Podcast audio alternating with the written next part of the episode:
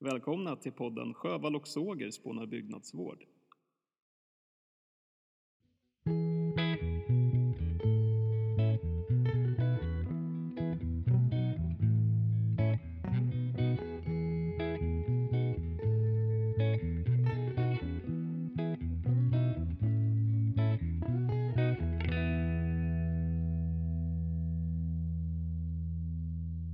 Kära del två.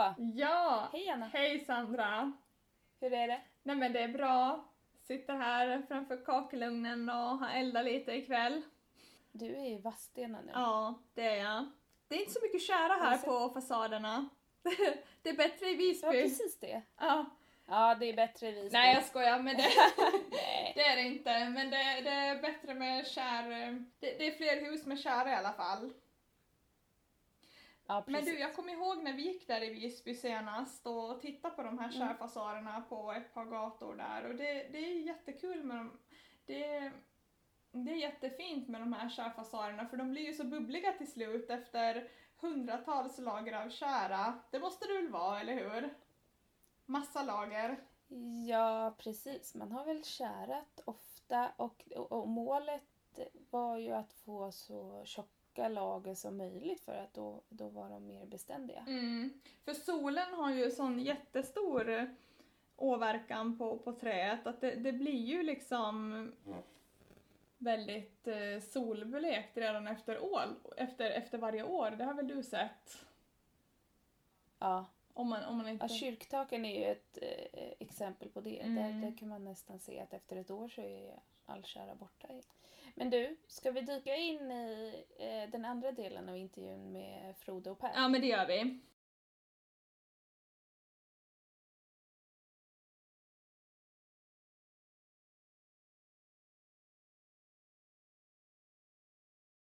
Det vi inte sa till att börja med är ju varför vi gör det här projektet. Eh, Jag Nej, inte, vi ska, kanske ska ta det också så att det blir tydligare. Det jag och Frode fokuserar på är ju takytor. Mm. Och, och varför gör vi då det? Jo, därför att på Gotland så har vi många medeltidskyrkor. Och de flesta av våra medeltidskyrkor har tre tak i någon form. Det, det vanligaste, vanligaste är ju att tornen har det, i stort sett alla torn har tre tak. Och då brukar vi kalla det för tornpanel, det vill säga ett lager breder som ligger horisontellt. Eh, sen är de fasade i kanterna så att, så att de ligger bara emot varandra på det sättet. Eh, sen så har vi också väldigt mycket faltak eller bredtak kan man kalla det för på, på svenska. De här faltakskonstruktionerna, det är egentligen, på kyrkorna är det en, eh, en tradition som inte är, finns representerad så vanligt i alla fall på, i den profana bebyggelsen. På kyrkorna så har vi alltså den här tornpanelen först, om vi pratar traditionellt. Eh, det vill säga att en horisontellt lägger lager med breder och ovanpå det lägger man sedan ett lager falor på, på andra hållet. Då. Mm. Eh, och inte två lager som man gör i den mer profana traditionen. Troligtvis, troligtvis är det här en äldre tradition och hänger ihop med att har du väldigt brant och bra taklutning, då tror jag att den konstruktionen kan fungera. För det, den blir ju lite otätare kanske än med två lager falor. Så pratar vi om, om den profana traditionen så har vi då eh, ett, eh, en konstruktion med två lager falor. Eh, I ovankant så ligger de i ett spår i en nockstock.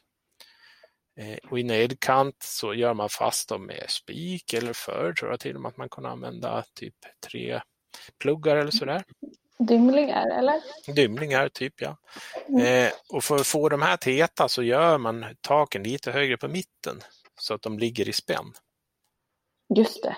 Det Mm. är så de konstruktionerna ser ut. Medan man på kyr- kyrktaken tror jag inte behövde ha dem i spänn utan där kommer man ju lägga dem plant eftersom man hade det här andra bredlagret under. Underliggande. Men varför gör vi då det här, jag Frode? Jo, de, alla våra kyrktak stryks med en sexårscykel ungefär. Så det, det Mm. går runt. Och på det sättet vi gör idag är det fungerar, ja det, det gör nytta men det är kanske inte tillräckligt mycket nytta som vi skulle vilja. Det vill säga man bildar ett lager som har väldigt, väldigt kort hållbarhet. Oftast är det ju man kärstryker så är det ju borta nästan, i alla fall på södersidan året därpå. På norrsidan är det ju lättare att bygga lager för eh, främst är det ju solen som bryter ner käran. Mm. och de här ultravioletta strålarna tror jag. Det är där nedbrytning i huvudsak sker. Och då gör det, tjära är väl UV-känsligt? det är väldigt UV-känsligt, ja. Mm. Sant. Eh, så projektet har ju egentligen fokuserat på hur kan vi göra det här bättre. Dels så, så behöver man ju fokusera på kvaliteten på kära och det, det var ju egentligen det vi började med. Och Mm. det vi gjorde då det var ju att kontakta alla de här eh, soideslagen som bränner kära på Gotland och sen så Mm. mätte vi temperaturen i två stycken. Så vi var i Sande soide i Östergarn och sen så var vi i Ardre i, de, i Mm. deras soide där.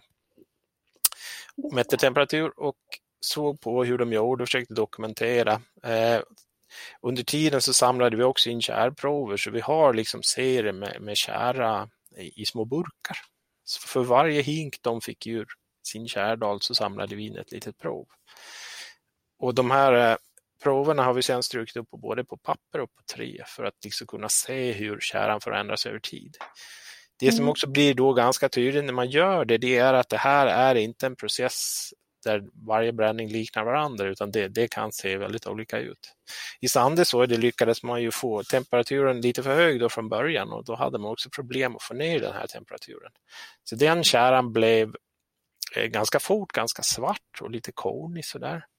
Medan Mm. man i Ardre eh, lyckades bättre så att säga. Så där hade man en mer jämn eh, temperaturkurva som började ganska lågt och sen så sakta steg då mot slutet för att bli högre. Då.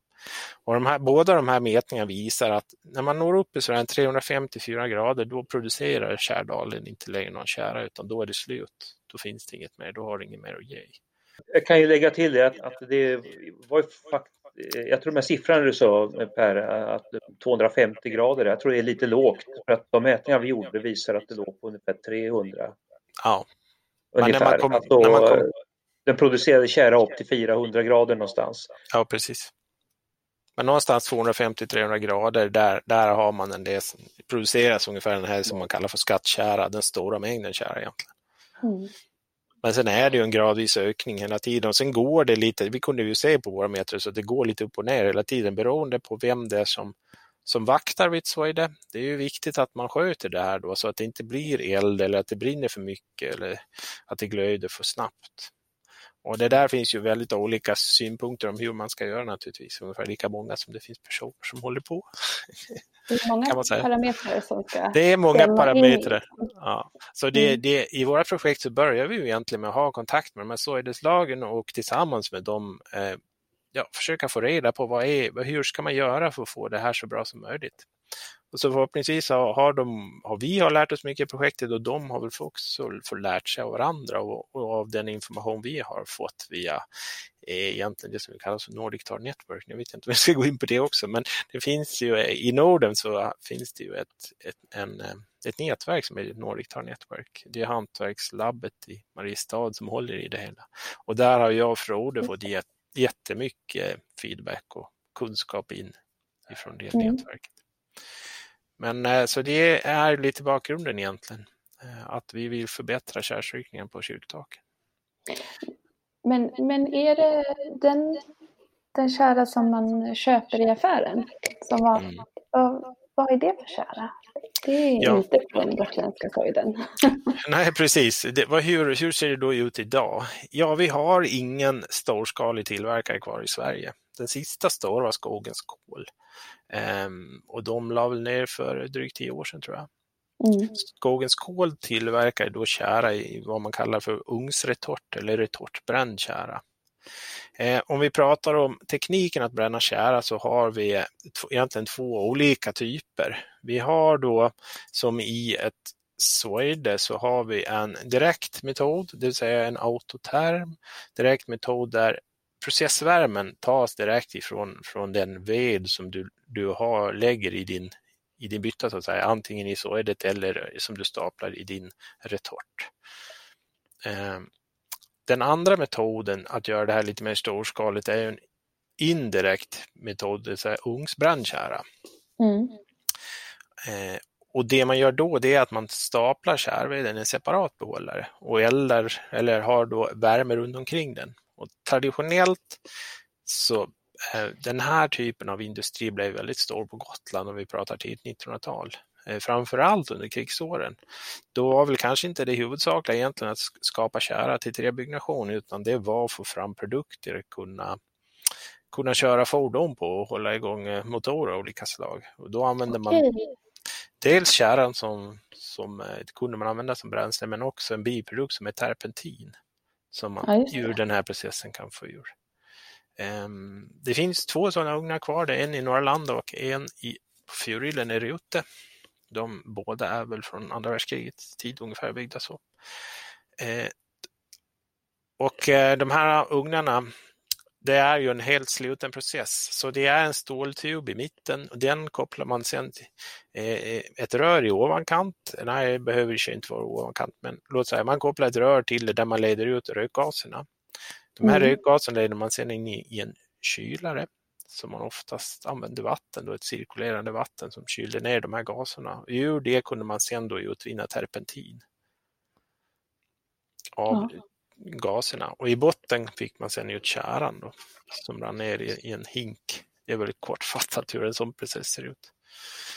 Medan en retort däremot, som är den andra mer storskaliga lösningen, där, eh, där bränner man ju veden men eh, kärveden som den är. Och sen leder man ut det som gaser egentligen. Eh, vi, jag och Frode gjorde ett besök hos en norsk tillverkare, en ganska liten småskalig verksamhet som använder den metoden.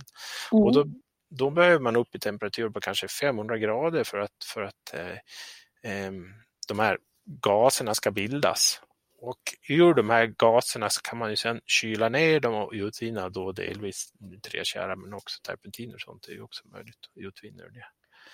Så det är två olika metoder. En ugnsbrända kärran går att förmodligen att, att bränna med lägre temperaturer som jag och Frode har sett i våra projekt. Våra inledande projekt är bättre om man vill ha en bra kärrkvalitet. Mm. Eh, därför att man med, eh, med den här externa värmekällan kan man ju lättare styra. Det, det man kan se, för jag gjorde en intervju med en av de här eh, eller sonen till en av delägarna för den här anläggningen i Norrlanda. Det är mm det är att man kan förstå att de drev på den här processerna ganska hårt, så de brände ungefär, det, var, det gick väl i ungefär två kubikmeter så där, i de där ugnarna. Men det, det brände man på ett dygn. Om man då jämför med eh, en kärdal som man då kanske har tre, tre dygn eller så. Så vad det egentligen var för kvalitet på kärr, det vet jag inte riktigt. Men eftersom vi vet att, att om vi pratar om bra kärrkvalitet så är temperaturen väldigt viktig när man, när man tillverkar den. Det jag och Frode också sen har sett när vi tjänstryker upp det är att spannet är å andra sidan inte så jättenoggrant. Det, mesta kärran går att använda för att bygga lager. Sen är det frågan hur hållbart det blir över tid. Men vi har ju egentligen sett att de flesta kärror går att, att behandla på olika sätt i efterhand för att kunna skapa tjocka lager. Så att om man ska välja en kära till oss, om man har ett valtak till exempel som man ska stryka, då spelar det inte så stor roll om man väljer en dalbränd finkära eller någon annan av sämre kvalitet i, i, i byggvaruhandeln, eller? Ja, alltså det gör det förmodligen, men man skulle ju kunna köpa kanske den sämre käran om man nu har ett, ett torrt trämaterial och mm. använda det för att liksom göra en första behandling. Så vi, vi, vet att den kommer inte vara så ytbildande och inte bilda den filmen som vi vill kanske, men den har lite bättre inträngningsförmåga så då skulle man kunna använda den på det sättet. För att sen då ta kanske den bättre kvaliteten för att, att eh, bygga en yta. Men jag vet inte, vi kanske ska eh, droppa detta då, att, för det finns ju inte att få tag i. Du kan inte köpa en dalbränd kära i Sverige längre. Det går inte, därför det finns inte en sån produktion. Nej, så precis. Så det som kallas dalbrännkära i handeln är inte en dalbrännkära utan den är ugnstillverkare i de flesta fall. Mm. Det säga, jag tror inte det är torrt, men ugnstillverkade är de nog i stort sett allihopa då i så fall. Men det man gör, det är att man försöker då eh, plocka käran utifrån kvalitet istället så att man, man ser, är det en ljus och bra kära så får den då kvaliteten dalbränd. Medan Mhm, är den okej. mörkare då blir det och, och lite annan viskositet och att han har kanske en andra förmåga att tränga in, då blir det kanske en beigekärra eller sådär. Mm. Så det är ju så man hanterar det idag. Eh, I alla fall i Sverige. I, i, I Norge där man har flera, vad är det, 36 stavkyrkor, nu inte Frode kvar Nej, hemma. det är dryga 20-tal. Ja, Eh, 20-tal. 20-tal stavkyrkor. 24 På, något. Ja, eh, i, i egentligen hela nationen. Eller hur? Som, och de har alla då, eh, man, det finns ett riksintresse för, för dem i Norge att, Mhm. att bevara dem. Så där Ja, har det man är ett jobbat värld- världsarv till och med. Det här är världsarv till och med. Där, så där har man jobbat annorlunda. Där har man då eh, knutit till sig ett antal sådana här eh, traditionella tillverkare som, som då använder Kärdalen för att tillverka kära. Så har man skapat en kärbank eh, Mm. Där man kunnat leverera sin kära till och fått ett ganska fast bra pris för den käran. Som har varit betydligt högre än den konventionella käran som, som du får, kan köpa i handeln. Och för att på det sättet då kunna bygga upp så att man har den bästa käran för sina stavkyrkor. Men, men lite grann håller väl det på, äh, ja det det är inte så lätt för dem idag heller tror jag, för det, man har väl byggt upp mycket av den verksamheten på äldre, äldre herrar så att säga, som kanske inte orkar hålla på på samma sätt. Det är väl, jag vet inte om det är att ta i, men du får rätta mig Frode i så fall, att det kanske blir lite grann halvideell verksamhet ändå så att säga. Ska man tillverka käran på det traditionella sättet, en kärdal, då skulle det behöva kosta kanske 300-400 kronor liter att Mm. köpa direkt hos eh, leverantören då, eller av tillverkaren. För att det, om det skulle vara möjligt för ett företag att leva på det. Om man inte skalar upp det och gör det annorlunda, för det har man ju försökt i, i eh, Finland, där det finns en autoterv, eller vad heter han? Frode, du får lägga till där. Eh, Eh, vadå? Autoterv. Hakkarainen. Ja. Men vad hette Ja. företaget? Jag. Eh? Hautoterva. Hautoterva, så heter det nog ja. Där det är ju egentligen en storskalig variant på, på ett såide fast det är det här slutande plan istället. Mm. Eh, som tillverkar, det är upp till 10 kubikmeter kära om året. Så det går ju också. Däremot så på Gotland när man tillverkar en kära, den här, de här stubbarna, är man minutiöst noggrann att rensa bort den från allt skräp och all ytved och sånt som är kvar. Så det är ju det man gör vintertid. Man står och smajtar veden som det heter. Man använder en yxa för att få bort orenheter egentligen. Och den här, det blir ju väldigt bra kvalitet på det, det slutmaterialet. Så du får ut väldigt Mm. mycket kära om, om du gör så är noggrann. Medan eh, Hautaterva, i hans process så har han bara egentligen stålklyv och han klyver sönder stubbarna. Han använder samma grundmaterial, det vill säga i furustubbar, men klyver bara sönder dem, rensar dem inte, inte så noggrann utan sen bara staplar in det i sin, i sitt, i sin jättesoide som rymmer då 40 kubikmeter. något, tror jag. Medan vi här på Gotland, ett stort soide, då man pratar vi kanske om 10 kubikmeter eller så. Och sen bränner han de där soiderna kanske 10 gånger om året. Då. Eh, får du ut på de här 40 kubikmeter ungefär 1000 liter kära. Eh, det kan då jämföras med Arde som staplade i ungefär 10-12 kubikmeter när vi var med och mätte. De fick ut ungefär lika mycket kära på, på den Mhm. mängden. Då, Som han fick på sitt jätte, som han fick på jättedal. sättet. Eh, Precis. Men det är betydligt Mm. fler arbetstimmar att bränna Mm. så är det ett Ardre än vad det är för, för en finska tillverkare. Så det går att lösa det här på flera sätt. Men eh, det, det vanligaste om man vill skala upp det är ju någon form av ugnsbränd kära och då Mm. tittar tillbaka. Så det här det pågår flera sådana projekt. Vi har ju kontakter här på ön med sådana som skulle vara intresserade att börja och sen så vet jag att i ehm, det är Linköping som det pågår på flera håll att man börjar på olika sätt se om det går att skapa en inhemsk produktion igen då med en kära som går att styra kvaliteten. Eh, Att är det någonting man ser i Kärrbränningens historia så är det att den alltid varit kantad av skogsskövling egentligen. Jag menar Mm. först så skövlade vi eh, medelhavsländerna med hjälp av, av kärrbränning och jätter och lite annat. Man högg ner och brände, högg ner och brände så att säga. Det, när man började bygga båtar och fartygsflottor så gick det åt kopiösa mängder kära egentligen. Mm. De sista skogarna i Europa som höggs ner för kärrbränning så, och nu är det fokus på tall då. Det var ju preussiska skogarna. Och det var efter det där som Norden öppnades upp och blev den stora kärleverantören. Så på 1600-talet då blev ju alltså eh, kära Sveriges tredje största exportartikel. Men eh, i de källor jag tittat i så, så visar det sig att, att eh, redan under medeltiden, sen medeltid, så, så eh, fraktas det ganska mycket kära från Gotland till Lübeck exempelvis. Har en tullista mm. från 1493 här då det fraktades 720 eh, tunnor kära från Visby till Lübeck. Och så, och så där fortsatte det. Eh, men eh, man kan säga att, att om vi går fram till 1600-talets början, 1615, då hade den svenska kärexporten tagit fart riktigt ordentligt.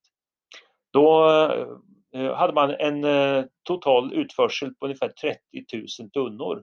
Och hoppar vi fram några decennier till 1641 så hade man 101 616 000 tunnor som skeppades ut från svenska Östersjöhamnar. Och till det så kunde man ju lägga ytterligare 2455 tunnor som kom från Göteborgs hamn också. Eh, att det är så exakta siffror här, det beror på att de här tullängderna är bevarade så man har exakt eh, data på hur mycket som såldes. Och en tunna i det här sammanhanget, då ska man egentligen gå på riksmåttet för våt tunna då, 125 liter ungefär. Mm. Så, så det var alltså kopiösa mängder som skeppades ut och på den här tiden hade man ju ingen tanke på återplantering eller alltså att man skulle eh, hushålla med resurserna och så vidare. Man kan säga så att, att ett, ett vanligt sätt då att, att öka produktionen av kärved var att kapa skogen. Det vill säga att man barkade trästammen på, eh, så gott som runt om hela förutom en liten livrand som man kallar det för. En liten rand med bark på nordsidan av stammen. Och eh, i och med att eh, kådan har till uppgift att skydda trädet när det skadar sig så blir det en mm. väldig kodutfällning då som sätter sig också i gitveden. Och på, sätt så, så, på så sätt så fick man alltså en väldigt fet och fin ved att, att bränna på. Och det var inte förrän skogen började bli värt någonting för virkesproduktion och så som man satte stopp för det i Sverige. Men det, det fortsatte lite i alla fall då. Och ser man på de här kärugnarna som har varit på Gotland så, ehm, eh, så är det så att, eh, att de, den råvaran som de använde sig av det var ju egentligen stubbar efter den första rejäla skogsskövlingen här när bröderna Graham introducerade den mobila ångsågen. Man köpte upp skog utav bönder i mitten på 1800-talet och eh, sågade ner och utan tanke på återplantering och sånt där. Och då var det ju riktig gammelskog man eh, sågade ner också. Och de stubbarna var ju helt exemplariska för att bränna kärra. Så att eh, det där, eh, om man ska sätta upp en, en, en ny inhemsk produktion utav kära i, i, i Sverige idag mm. så kommer vi få stora problem med att få råvaran att räcka till. För att vi har ju också en skogspolitik som har, eh, eh, som har premierat snabbväxande träd. Och det är ju inte den typen utav skog som är den bästa för kärbränning på något sätt. Utan det, det ska, den ska gärna kärna till sig veden för att det ska också bli en bra process på att bilda töre eller fetved i stubben. Då. Så att eh, det där är ett problem och i och med att vi också går in i en period då, då vi också rycker upp stubbarna när det är avverkat och säljer i, som grot, alltså grenar och rötter som går till fliseldning och så vidare. Så ser jag att det kommer att bli en huggsexa om, om eh, det här, vad ska man säga, bi, jag ska, säga, jag ska inte säga för skogsavfallet då, men alltså de här biprodukterna från skogen det är nu när vi vill göra mer, mera skog, drivmedel på skog och sådär. Mm. Tänk på biobränslen, alltså biodiesel och annat. Då. Det kommer att konkurrera liksom med en eventuell kärrproduktion känner jag på mig. Så Just att, det, eh, så är det ju ett, liksom, om det inte hade varit som konkurrens så är det ju ändå ett bra materialval jag tror det är så här att det spelar ingen roll vad man håller på med, vilket naturmaterial som helst. Så, så fort vi börjar skala upp det i stor skala, mm. så får vi ett problem. För en, en viktig sak att tänka på det är det att, att vi har ersatt så många naturmaterial med plast av olika slag idag, eh, som kommer från olja egentligen. Så att det är ja. ju egentligen vår förbruk av fossila, eh, inte bara bränslen men också av fossila material som har gjort att vi har den skog vi har i Sverige idag. Exempelvis. Men eh, man kan ju tänka, det är ganska tänkvärt det här att det är bara nio länder ungefär, nio, tio länder som har lika mycket eh, skog som Sverige, alltså i procent då, som har 65 procent av sin yta täckt med skog. Mm. Eh, så att det, det är få förunnat att ha tillgång till den här kärran och det förklarar ju också varför det blev som ett svart guld en gång i tiden. Och det tar väl lång tid också, som ni säger, att virket måste ha tjänat till sig och sen så ska helst stubbarna stå i 50 år till. Ja, alltså det, det är livscykeln för Absolut, absolut. Och, men man kan ju vända på det och säga så här att ur en, ur en hållbarhetsaspekt då, så är det så att den typ av skog som, som är det bästa för att få råvaror till kärrbränning, mm. det är ju en, en skog som får växa efter sina naturliga förutsättningar och som eh, kommer att rymma också en ganska hög biologisk mångfald. Just det. Så att det, det finns ju ett, ett hållbarhetskoncept i det att få fram eh, den här typen av virke. Mm. Men den kärran som vi, som vi köper in idag, importerad till Sverige, den, den kommer, den kommer från öst. Eh, den alltså kommer ifrån, huvudsak idag från Kina och från Serbien. Mm. Och det som är lite tragiskt i det här sammanhanget är att vi har ju inte, vi har ju ingen kunskap om eh, hur, eh, vilken ambition de har på att bedriva ett hållbart skogsbruk för, eh, till grund för den här kärrframställningen. Det har vi ingen aning om egentligen. Och våra, våra tillverkare har ju sällan varit på plats och sett hur det går till då. Eh, jag vet att det finns lite tätare kontakter med Serbien och så nu då men mm. Eh, vad man har för sig i Kina är det ingen som riktigt vet. Det är, det är också Turkiet för det. Ja, just. Mm. Eh, och det, du, du menar det, lev, leverantörer pratar du snarare om, eller återförsäljare i Sverige? Mm. Mm, just det, att de Mm. Nej, men så det, det, det, här kan ju, det är på sätt och vis ett problem. Men, men pratar man mer om återförsäljarna i Sverige så är de väl inte så superoptimistiska till att komma igång med en produktion i Sverige igen för att de tror att det är, vi har för tuffa miljökrav och att, eh, eh, att kostnaderna skulle bli för höga helt enkelt mm. för att producera kära i Sverige. Men eh, mm. ska det vara möjligt då får man nog försöka utveckla tekniken och det är ju lite grann det man behöver kanske att fokusera på framöver. Just det. Men samtidigt som vi pratade ju om tidigare innan vi spelade in eh, att eh, det finns ju också ett värde i att ha kvar de här kärdalarna och, och den traditionen för att eh, det finns ja. värden i det småskaliga också. När vi pratar om, om det här med den kärbränning som äger rum på Gotland idag mm. som är en ideell verksamhet och som görs för att det är kul och som, eh, där, där de som är med känner att man är en del av ett kulturarv. Det mm. finns ett högt socialt värde i det, det finns en anknytning till platsen där man bor och så vidare. Och till vad kärran ska användas till också. Det mm. går ju till privat bruk, till båtar, till smörjning av eh, allt från sjöbodar till uthus och portar och sånt. Och lite får också kyrkan möjlighet att köpa till, till vissa detaljer och sånt. Men det är, är ändå så att, att den biten med, som innehåller så mycket immateriella värden och som mm. skapar en historisk förankring. Det är ju ett kulturarv som är, är viktigt att bevara och skapa förutsättningar för att det lever vidare. Eh, än så länge så har vi ju ett så pass stort intresse för den här typen av verksamhet på Gotland så att det är ett levande kulturarv. Mm. Eh, det är det inte längre i stora delar av Sverige i övrigt. Då. Nej, precis. Nej, man måste jag, kan, jag kan bara fortsätta säga att, att eh, mm. där finns det ju en idé från våra norska kollegor då att eh, när man jobbar med stavkyrkorna så menar man det att det handlar inte bara om att få fram rätt material hur som helst utan det finns också en immateriell dimension kopplad till eh, helheten. Det vill säga att, att, att käran är skapad på ungefär samma sätt som när bygg, kyrkorna byggdes. Eh, det skapar en större helhet och förståelse för vad en stavkyrka är för någonting. Mm. Och vad som har krävts för att den ska komma till och för att den har vårdats genom sekler. Och det tycker jag är tänkvärt. Absolut.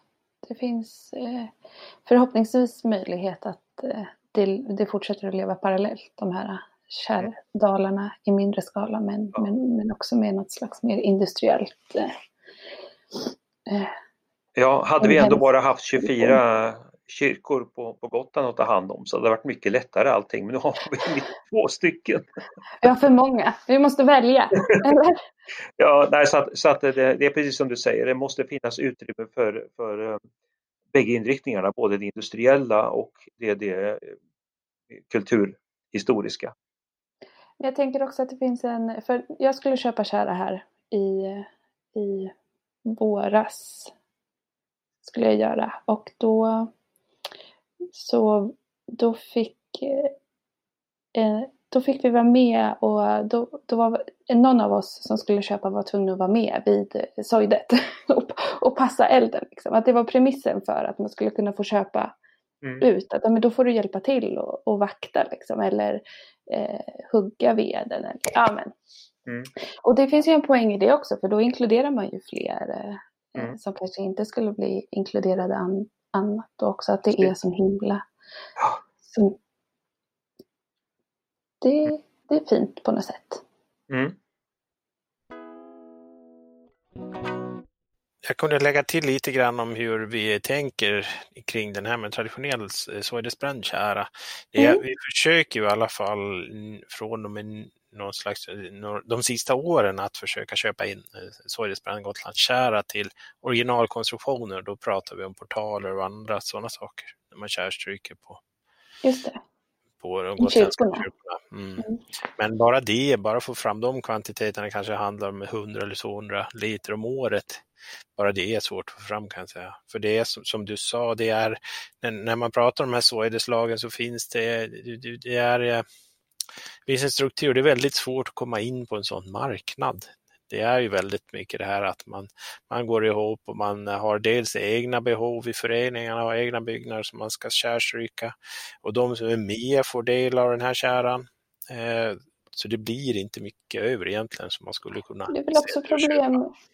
Är det inte också ett problem att de liksom inte har F-skattsedel? Bara en sån här byråkratisk grej. Att det, det, det blir svårt att köpa från ett företag.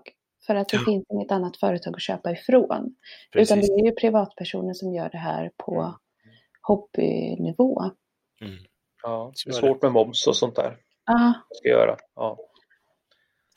Och samtidigt så vet vi att det är också väldigt svårt att skala upp eller göra det här som, eh, som, ett, som ett företag. Om, I alla fall Mm. om man ska betala 100 kronor liten, för det går inte. Det finns ingen som kan bränna kära för så låga kostnader. Utan de behöver upp till ett antal hundra kronor per liter för att det ens skulle vara möjligt. Och det är väl kanske något, det som kommer framöver. Det, vi får väl se, för det, många av de här föreningarna är ju kanske inte det viktigaste, inte för dem att tjäna pengar, utan det är det här samvaron, få fram lite kära som man kan använda för sitt eget behov och lite så, runt omkring i socknen eller så där man, man bränner.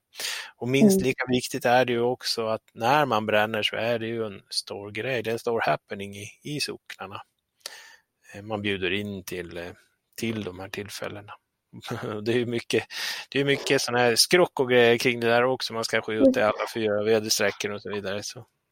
Och det, det finns ju också filmmaterial från det som Gunnar, vad heter han? Gunnar Olsson tror jag han heter, spelade in på 50-talet och det är mycket av den här skrocken är med.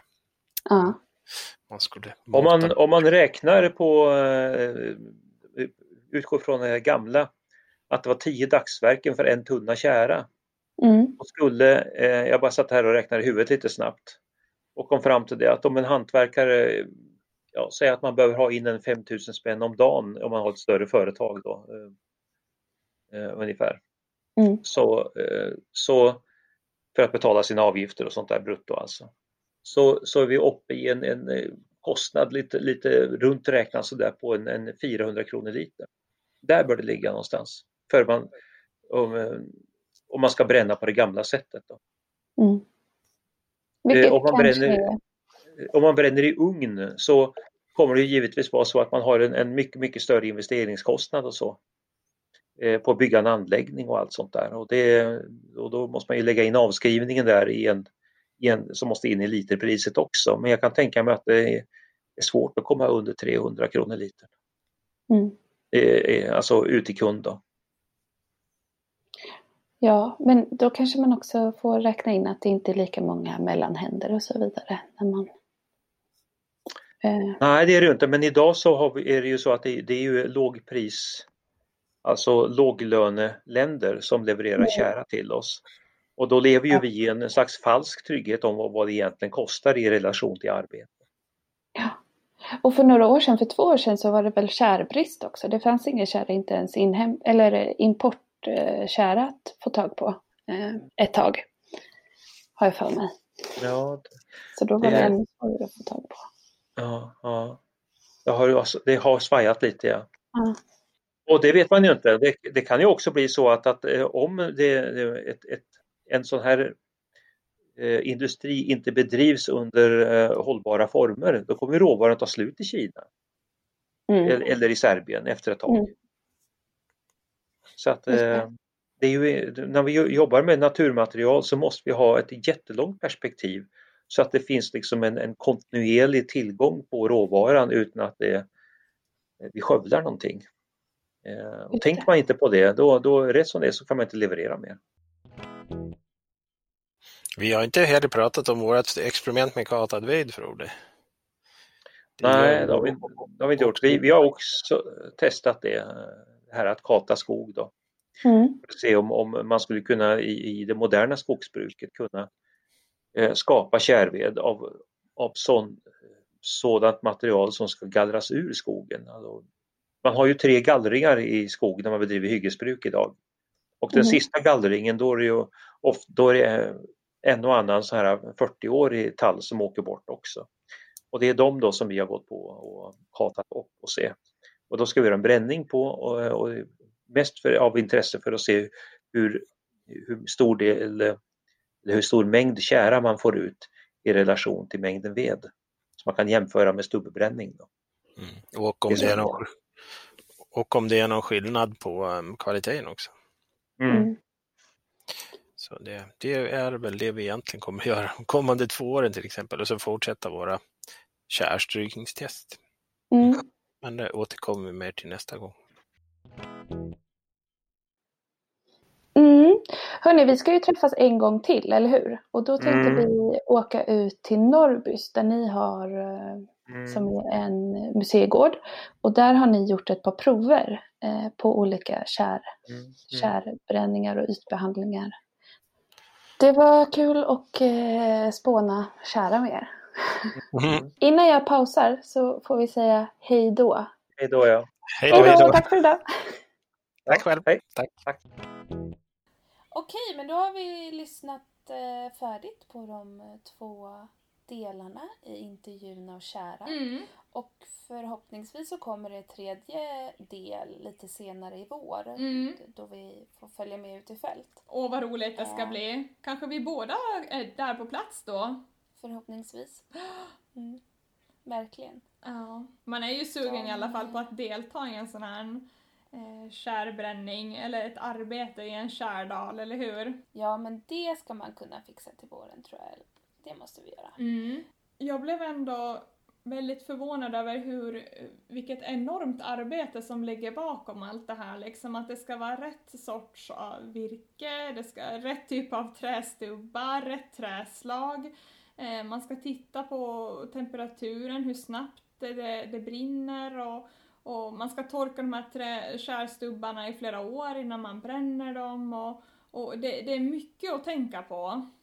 Det slogs jag av. Ja, ja det, det är ju väldigt mycket mankraft liksom, mm. eh, som ligger bakom en liter kära och det, det, det kanske man inte tänker på när man köper det i handeln. Nej, exakt. Det, det är väldigt arbetsamt. Och jag tycker också att det, det är viktigt att poängtera det som vi pratade om, eller det som jag pratade om med, med Per och Frode, att i de här små kärdalarna och när man bränner på så hembygdsföreningsnivå, att det, det liksom värdet i det ligger ju egentligen i traditionen av att bränna och inte i att få ut så mycket kära som möjligt. Ja, precis.